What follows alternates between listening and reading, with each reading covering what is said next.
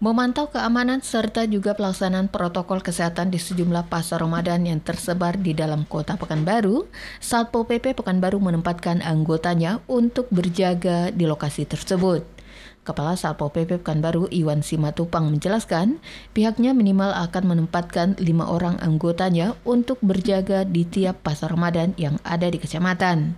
Namun yang menjadi masalahnya saat ini, belum semua kecamatan melaporkan titik pasar Ramadan yang ada di wilayahnya. Iwan berharap dalam waktu secepatnya laporan titik pasar Ramadan segera disampaikan oleh pihak camat kepada Satpol PP sehingga mempermudah pihak Satpol untuk menurunkan anggotanya. Ya, kita siapkan di sana mengawasinya.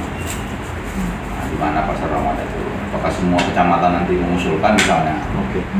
Mungkin paling biasanya kecamatan-kecamatan yang kalau kayak pas sana kita nggak tahu lah ya kalau tapi pasti ada lah di setiap kecamatan pasti ada lah cuman datanya yang masuk sama kami baru satu baru kecamatan sana seperti tahun sebelumnya, Pasar Ramadan menjadi salah satu tempat yang banyak dikunjungi oleh masyarakat Pekanbaru di awal puasa. Namun seiring berjalannya waktu puasa, akan berkurang pula tingkat kunjungan ke Pasar Ramadan.